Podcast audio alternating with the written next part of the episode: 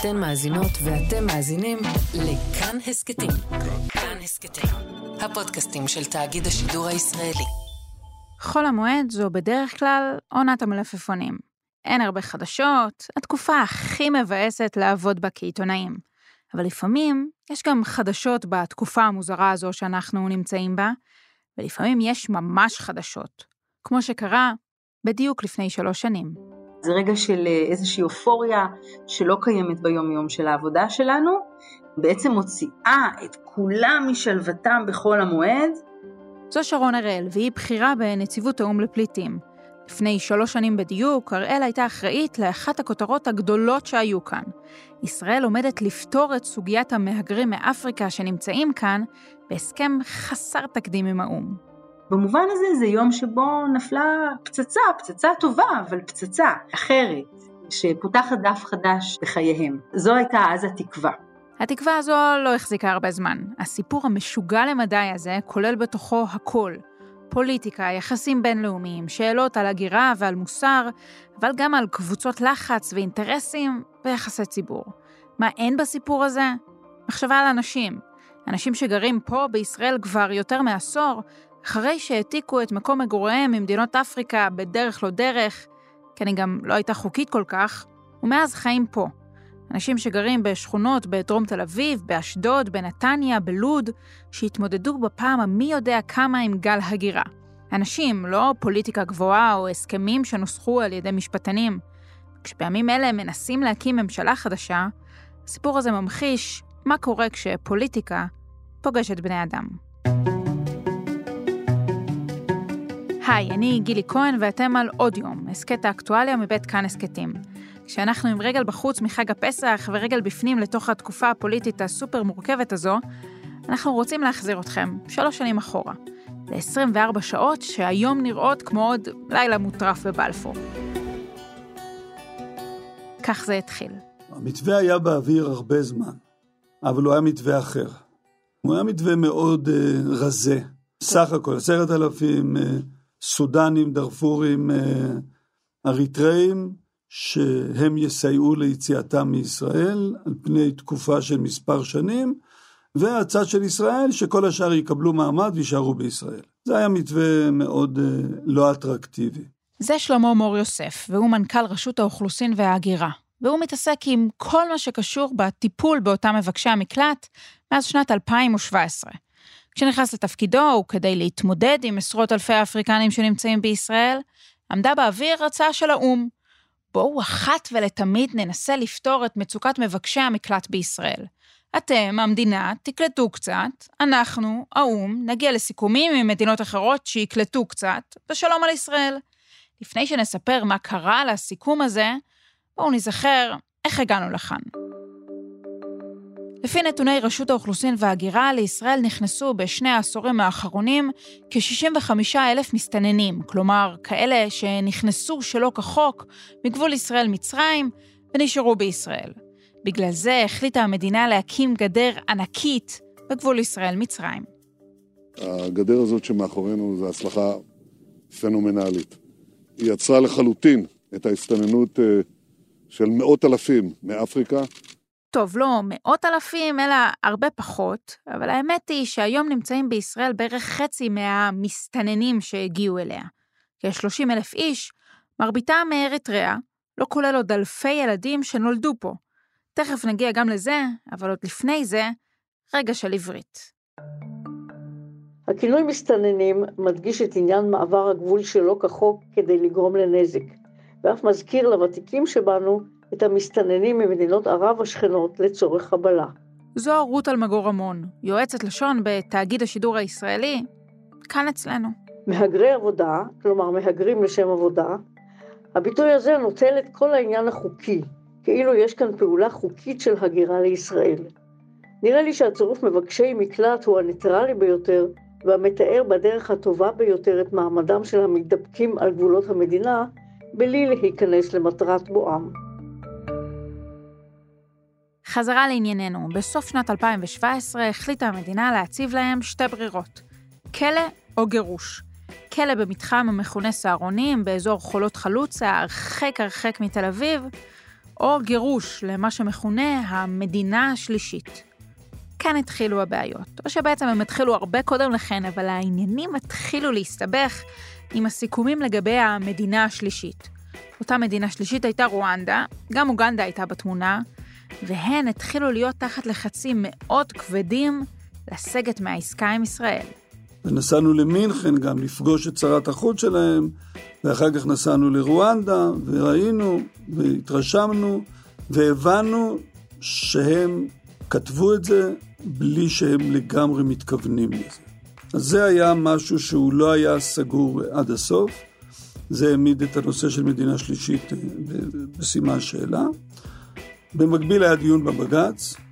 לנו היה חשוב שנקבל את ההחלטה על האו"ם לפני שבג"ץ יקבל את ההחלטה שלו. כי הנושא הזה של מדינה שלישית היה טריגר רציני מאוד לקיום ההסכם. בישראל הבינו שמה שחשבו שיפתור את בעיית מבקשי המקלט עומד לרדת מעל הפרק. ואז הם חזרו לאותה הצעה לא אטרקטיבית של האו"ם בעיני המדינה, שמוצאת מקום מגורים אחר מישראל לעשרת אלפים איש. לצורך קידום הפתרונות האלה, במרץ 2018 אה, מגיע לישראל אה, יד ימינו של הנציב העליון לפליטים בז'נבה. זו שוב שרון הראל. ובעצם מקיים ביום אינטנסיבי סדרת מפגשים עם נציגי המדינה. נזרקים הרבה מאוד מספרים באוויר, וביום האינטנסיבי הזה בעצם מתנהלות שיחות מאוד חשובות. שרון הראל הייתה שם, בחדר הסגור, והיא מספרת איך לאט לאט כל אחד מהצדדים התגמשו בדרך לעסקה. ישראל תקלוט קצת יותר, האו"ם ימצא פתרונות לעוד קצת יותר אנשים. בסוף ההבנה הייתה שעל כל מבקש מקלט שישראל תקלוט, כלומר תסדיר את מעמדו, האו"ם ימצא פתרון כלשהו בעולם למבקש מקלט אחר. אחד תמורת אחד. הבלנס, האיזון בהסכם בעצם היה שמדינת ישראל תיטיב עם אלה שנשארים כאן. להוציא 16 אלף פליטים ליעדים במערב, זה מנגנון ומערך שלם שאומר לאתר את האנשים שזכאים ליציאה על פי קריטריונים מסוימים, לראיין אותם, לקדם את הבקשות שלהם, להתאים בין אה, סוגיית הפליטות לבין קריטריונים של המדינות הקולטות, מערך שלם של תיאום טיסות, של קליטה של הפליטים במדינות היעד, כן? הם לא מגיעים למחנה הפליטים, הם מגיעים לדירות, בדירות מחכים להם צוותים שקולטים אותם במדינות החדשות, שנותנים להם איזושהי אוריינטציה ו... מסייעים להם במציאת עבודה וקליטה, וכל המנגנון הגדול הזה בעצם אמר משמעותו השקעה ענקית מצד האו"ם, בסופה בעצם אה, כ-16 אלף פליטים יוכלו לצאת מישראל ליעדים במערב בפרק זמן של חמש שנים. מבחינת האו"ם אין דברים כאלה. לא, באמת, אין דברים כאלה. לשכנע את גרמניה וקנדה וארצות הברית ועוד מדינות להיכנס מתחת לאלונקה עבור ישראל ולקלוט מבקשי מקלט ממנה? נציבות האו"ם לפליטים לא מקדמת פתרונות מהסוג הזה בעולם. זאת אומרת, הפתרון הזה במובנים רבים הוא חסר תקדים, שבא ארגון או"ם ומציע למדינה מערבית לשאת בנטל הפליטים ובעצם לקחת ממנה אחריות על מחצית, כמעט מחצית מהאוכלוסייה שנמצאת כרגע בטריטוריה. אבל ישראל הצליחה איכשהו לחלץ את זה מהאו"ם, להגיע להבנות שקטות, להתקדם בדרך הזו, בעיקר כי האיום של הגירוש בכפייה למדינות באפריקה היה על השולחן. שלמה מור יוסף מסביר ששר הפנים אריה דרעי הציב כמה תנאים לפני החתימה. אחד, שאלה שנשארים פה, יהיה לנו את האפשרות לתת להם אשרה גיאוגרפית, ודבר שני, שאנחנו לא בודקים פליטות יותר, או שבעברית פשוטה, נציבות האו"ם לפליטים מכירה בזה שהם לא פליטים. והתנאי, או לא התנאי, אלא הבקשה הנוספת של השר הייתה שמי שיציג את התוכנית לציבור יהיה ראש הממשלה. ופה, איך נאמר, דרעי הוכיח חושים פוליטיים מחודדים מאוד בנוגע להצגת התוכנית. הראשון שזיהה. זה היה משהו ברמה מאוד מאוד משמעותית, והוא לא רצה שייווצר מצב שאם באיזושהי קונסטלציה תהיה נסיגה, זה יהיה נסיגה של ראש הממשלה על החלטה של ראש הממשלה. דרעי בעצם עושה לנו ספוילר. נסיגה, ישראלית, לא יכול להיות. אבל לפני שנגיע לזה, בואו נתענג עוד קצת על הרגעים הבאמת נדירים האלה, שישראל והאו"ם הסכימו על משהו. והגענו בסוף להסכם שאומר על כל אחד שיוצא, אחד יישאר. זאת אומרת, ההתחייבות ההדדית, אתם מוציאים 16,250, אנחנו משאירים כתושבים ארעיים 16,250. זה הרגע החגיגי מה-3 באפריל 2018, שבו ראש הממשלה נתניהו הודיע לאומה על ההסכם ההיסטורי עם האו"ם במסיבת עיתונאים רשמית. אנחנו לא יושבים באותו חדר, אנחנו לא עושים uh, חתימה באותו חדר. הנציג שלנו שחותם על המסמך יושב בז'נבה, וולקר טורק, אותו נציג שהגיע לשיחות בישראל, יד ימינו של הנציב העליון לפליטים בז'נבה. ומטעם המדינה באמת חותמים ראש הממשלה, נתניהו, ושר הפנים דרעי, וברגע שזה חתום, מה יותר ודאי מזה שתם ונשלם פה מאמץ מאוד גדול, והנה יש לנו פה הסכמה, הסכמה עם חתימה של ראש הממשלה, את יודעת, זה השיא, ועכשיו מתחילה העבודה הקשה באמת. שרון הראל מתארת התרגשות אדירה במשרדי נציבות האו"ם בתל אביב. כן, זה מהרגעים האלה שגם באו"ם פותחים בקבוק שמפניה. כל הצוות מול הטלוויזיה, יש שמחה מאוד גדולה, תחושה של הישג מאוד גדול, הכל ככה מזוקק למין אה, רגע מיוחד אחד, שבו מדברים ראשי המדינה, שבדרך כלל מדברים אה, לא בזכות מבקשי המקלט והפליטים, אפילו לא קוראים להם בשמם, אלא משתמשים בטרמינולוגיה אחרת, ואנחנו מדברים אה, בשיח חדש, אנחנו לא מכנים את האוכלוסייה מסתננים.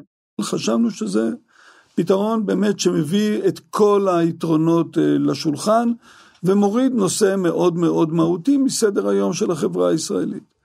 ובאמת הייתה הרגשה של רגע היסטורי. בצוות שלנו... אבל כבר אז ידע נתניהו שהעניינים התחילו להסתבך. שעות לפני מסיבת העיתונאים החליט נתניהו לעשות כמה מהלכים כדי לטפל בתפוח האדמה הלוהט הזה.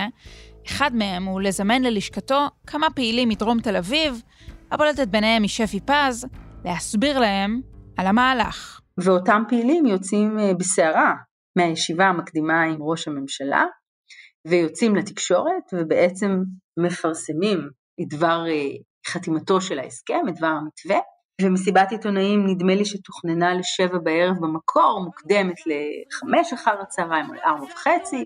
קודם כל הצלחנו לבטל את המתווה שהוא האסון הכי גדול לדרום תל אביב. בוטל. אוקיי? בוטל לגמרי, נגמר הסיפור, חוזרים כרגע לגירוש. זו סוזי כהן, אחת מהפעילות בסוגיה הזו, וגם חברת מועצת עיריית תל אביב, מיד אחרי הפגישה בלשכת ראש הממשלה.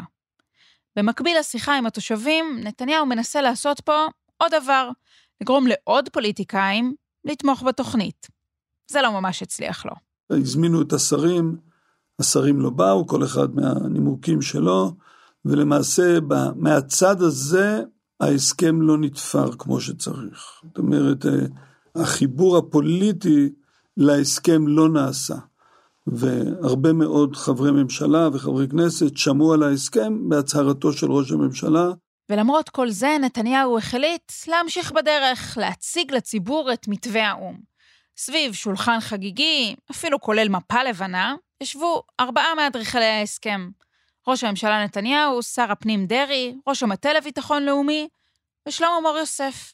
אני מבין שהציפייה הייתה, כפי שהייתה גם אצלי, שנוכל להוציא את כולם באמצעות המדינה השלישית. אבל מן הרגע שהדבר הזה אינו עומד על הפרק, אנחנו עושים את הדבר הטוב ביותר שניתן לעשות, בהסכם חסר תקדים וגם במאמץ תקציבי וארגוני אדיר. להוציא את האנשים, לפזר את היתרה, לשקם את דרום תל אביב. זה אה, יום חשוב, זה יום בשורה. נתניהו הציג את הפרטים, ענה באריכות לשאלות עיתונאים. אחר כך גם הגיע תורו של דרעי, אבל בשורה התחתונה, נתניהו הפך להיות הפנים של המתווה. הוא זה שהסביר עליו לעיני כולם, והוא זה שעכשיו מתמודד עם הביקורת.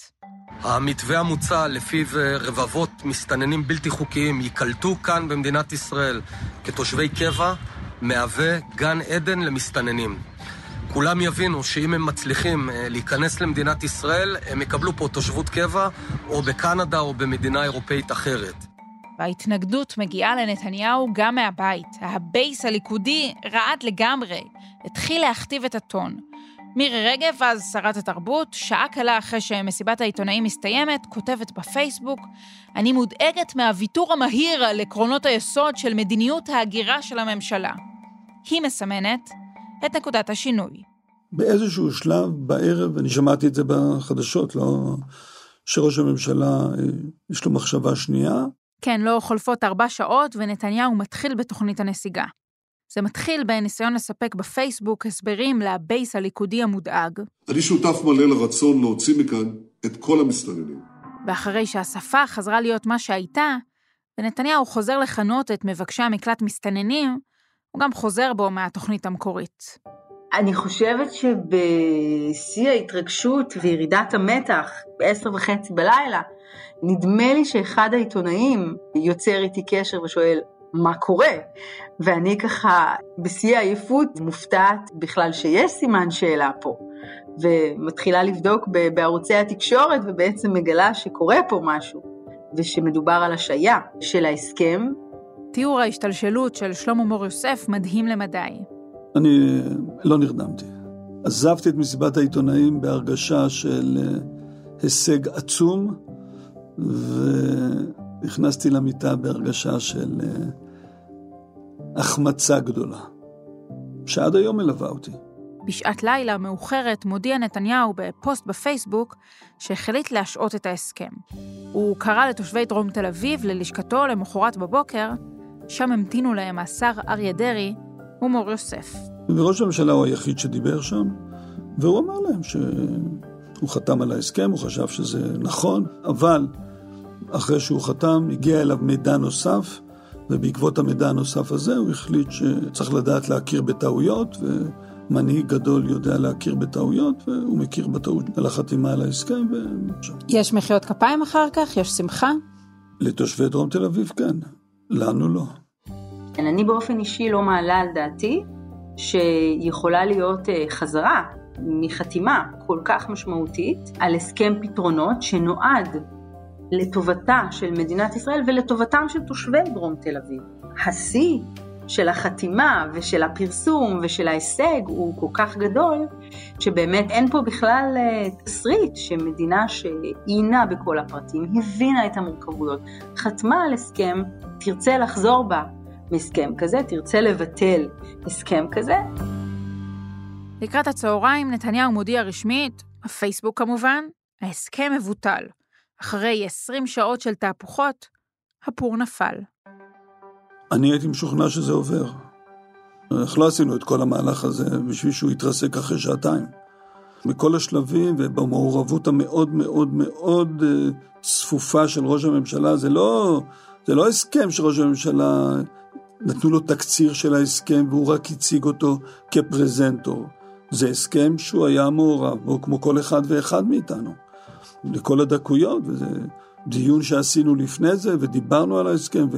ודיברנו על מסיבת העיתונאים. זה לא היה משהו שנעשה כלאחר יד. חוץ מהאו"ם ורשות האוכלוסין הייתה מעורבות משמעותית של גורם נוסף, המטה לביטחון לאומי. הם היו הזרוע הארוכה של נתניהו בתהליך לאורך כל הדרך ועד הרגע האחרון. הם אגב סירבו להשתתף בפרק הזה של ההסכת. אולי גם הם יודעים שתשובות והסברים לפליק פלאק המפואר הזה של נתניהו לא ממש בנמצא. ראש הממשלה חתם על זה, הוא הבין את זה יותר טוב מכל אחד ואחד מאיתנו. זה הסכם שהוצג ודוין וטויב ושופר, וראש הממשלה הבין מצוין את זה, אבל הוא ראש הממשלה, יש לו עוד שיקולים, יש איזו אינפורמציה שהוא קיבל שאנחנו לא מודעים אליה, ששינתה את דעתו, אבל uh, בנקודת הזמן של החתימה הוא הבין את זה היטב. אגב, uh, המידע הנוסף שראש הממשלה דיבר עליו, הוא שיתף אותך בזה? שיתף. לא, אמרתי, אנחנו לא יודעים מה המידע, עד היום אני לא יודע מה המידע הנוסף שהוא קיבל, ששינה את דעתו. ושאלת? בוודאי, זה מהלך כל כך דרמטי מסתיים, אבל לא שיתפו אותנו. וזה הפתיע אותך? שלא קיבלתי תשובה, כן, אתה מעורב באיזשהו מהלך כזה והוא נופל. ציפינו שישתפו אותנו, אבל uh, זה לא קרה. מידע סודי שמגיע לנתניהו והוא לא משתף בו את הפקידות הבכירה? נשמע מוכר, לא? זה בדיוק מה שקרה בפרשת הצוללות, ומור יוסף מספר שקרה גם במקרה הזה. הוא גם מספק הצצה למה שקורה בחדרים הסגורים, איך לחץ של קבוצה קולנית במיוחד, תושבים מדרום תל אביב, ביניהם הפעילה נגד מבקשי המקלט שפי פז, הכניסה את ההנהגה בישראל לסחרור מטורף. הקבוצה הזאת, אני מניח שהיא היה לה חלק מההשפעה, יכול להיות שהם אלה שהביאו את המידע המיוחד לראש הממשלה, אני לא יודע, אבל בוודאי שביום שראש הממשלה ביטל את ההסכם, הם היו בחדר. אבל הגורמים שהיו מעורבים בהסכם לא ויתרו. מור יוסף קרא בעצמו לשפי פז, ניסה גם הוא לשכנע אותה ביתרונות ההסכם. לי היה אה, חשוב, אחרי שההסכם אה, נפל בגלל המעורבות שלה, לקרוא לה ולנסות להגיד לה את מה שאני אומר עכשיו. האלטרנטיבה זה לא האם חצי יישארו או כולם יצאו. האלטרנטיבה זה או חצי יישארו מפוזרים בארץ, או כולם יישארו רובם בתל אביב. זאת האלטרנטיבה. ואת זה רציתי להציג לה בעצמי. זה לא שכנע. גם באו"ם לא ויתרו כל כך מהר. קודם כל, בניגוד למדינה, הם אמרו שמבחינתם ההסכם עדיין בתוקף, אפילו עד היום. ומבחינתנו בעצם השארנו על השולחן את ההסכם. זאת אומרת, צד אחד ביקש אה, לסגת ולבטל, אבל מבחינתנו זו הצעה שנשארה שרירה ועומדת. באופן קצת מביך, אנשי האו"ם אפילו מנסים לגשש עם הצעה טובה יותר, תחזיר את המדינה למסלול, להסכם, לנייר שחתם עליו ראש הממשלה בעצמו, ונקרא לגזרים. היה אפילו איזשהו ניסיון שלנו לראות אם אנחנו יכולים להיטיב טיפה עוד את ההסכם הזה, האם אנחנו יכולים אה, ליישם אותו בפרק זמן שהוא פחות מחמש שנים למשל. איזשהו ניסיון לעטוף את זה באיזושהי מעטפת עוד יותר מיטיבה. זה לא עזר. והאמת, זה היה גם די תמים מצד אנשי האו"ם לחשוב שאחרי כל המרד הזה בימין, פתאום שינוי קל בפרטי ההסכם ישנו את התמונה. נתניהו בחר צד, הוכיח את המשפט של קיסינג'ר, לישראל אין מדיניות חוץ, אלא רק מדיניות פנים. לא פוליסי, רק פוליטיקה. חבל. אנשים היו מוצאים את מקומם, מי שהיה רוצה לנסוע למדינה מערבית היה נוסע למדינה מערבית, מי שהיה רוצה להישאר פה היה נשאר פה, היו מפרקים את הריכוז הגדול אה, בדרום תל אביב, גם מקלים על דרום תל אביב והתושבים, כי מה האלטרנטיבה? כולם פה, לא הלכו לשום מקום. הם לא ילכו לשום מקום. מי שחושב שאפשר לקחת אותם אחרי 10 ו-12 שנה ולהעמיס אותם על אה, איזשהו כלי רכב ולהוציא אותם מפה, לא יודע איפה הוא חי. ולכן הפתרון הזה היה פתרון של הסכמה, פתרון של אה, השלמה, של שני הצדדים. ולכן ברגע שזה התפרק, זה היה לנו מאוד מאוד חבל. כדאי לחזור על הדברים האלה שוב. נציג המדינה, מי שהוביל את כל המהלכים הקשים ביותר כלפי מבקשי המקלט, המעבר בכפייה לרואנדה או לאוגנדה, הקמת כלא במיוחד בשבילם, כל זה פשוט אומר לחברי הכנסת וליתר המתנגדים, חברים, שימו מראה מול הפנים. המדינה פספסה את הפתרון הכי טוב שהיה יכול להיות לה לבעיה הזו. והנה היום אנחנו ב-2021, כבר uh, שלוש שנים אחרי ביטול המתווה, עוד שנתיים והיינו מסיימים בשאיפה את uh, יישום האלמנטים החשובים. אוכלוסיית מבקשי המקלט והפליטים הייתה מצטמצמת בישראל, כמו שמדינת ישראל רצתה. היינו רואים הרבה מאוד שינויים בשטח, ואני טוענת ש-30 אלף איש הם לא בעיה, בטח לא למדינה כמו מדינת ישראל. אז אם היינו מסתכלים על 16 אלף איש שנותרים כאן, אז בכלל אי אפשר היה להשתמש בשום אופן בטרמינולוגיה של בעיה. אבל היעדר הפתרון מביא לכך שבינתיים, למרות שכבר שנים אין מי שחוצה את הגבול לישראל, נולדים עוד ועוד מסתננים במרכאות, חדשים, צאצאים, מבקשי מקלט, שגם הם במעמד לא ברור. המדינה, אגב, לא ממש סופרת אותם ברשומות. מדובר על עוד בין 8,000 ל-6,000 ילדים שנולדו כאן. תל אביבים. חשוב לזכור שככל שהאוכלוסייה נשארת פה פרק זמן ארוך יותר, יש לזה גם השלכות.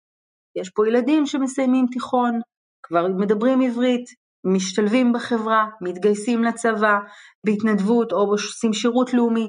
אני בעיקר דואג לילדים. הילדים האלה, בתנאים האלה, נזרקים לשולי החברה.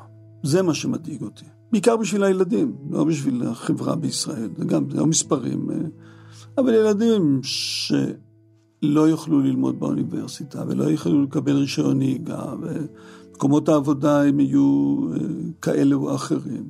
חלקם, אני מניח, ירצו להתקבל לחברה הישראלית ולשרת בצבא אם היו נותנים להם. אז במקום שהם יהיו ילדים מתבגרים לתוך חברה שהם יכולים להיות בה מועילים, הם נכנסים לתוך חברה שהם יהיו בשולי החברה בהגדרה.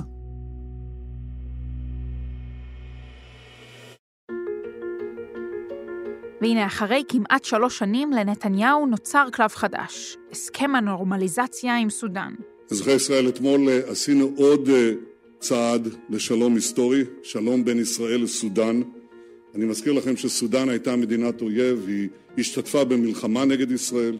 בערך 8,000 אזרחי סודאן שוהים בישראל, והנה, היא כבר לא מדינת אויב, אולי נסללה הדרך לחזרתם של אלפים לבתים?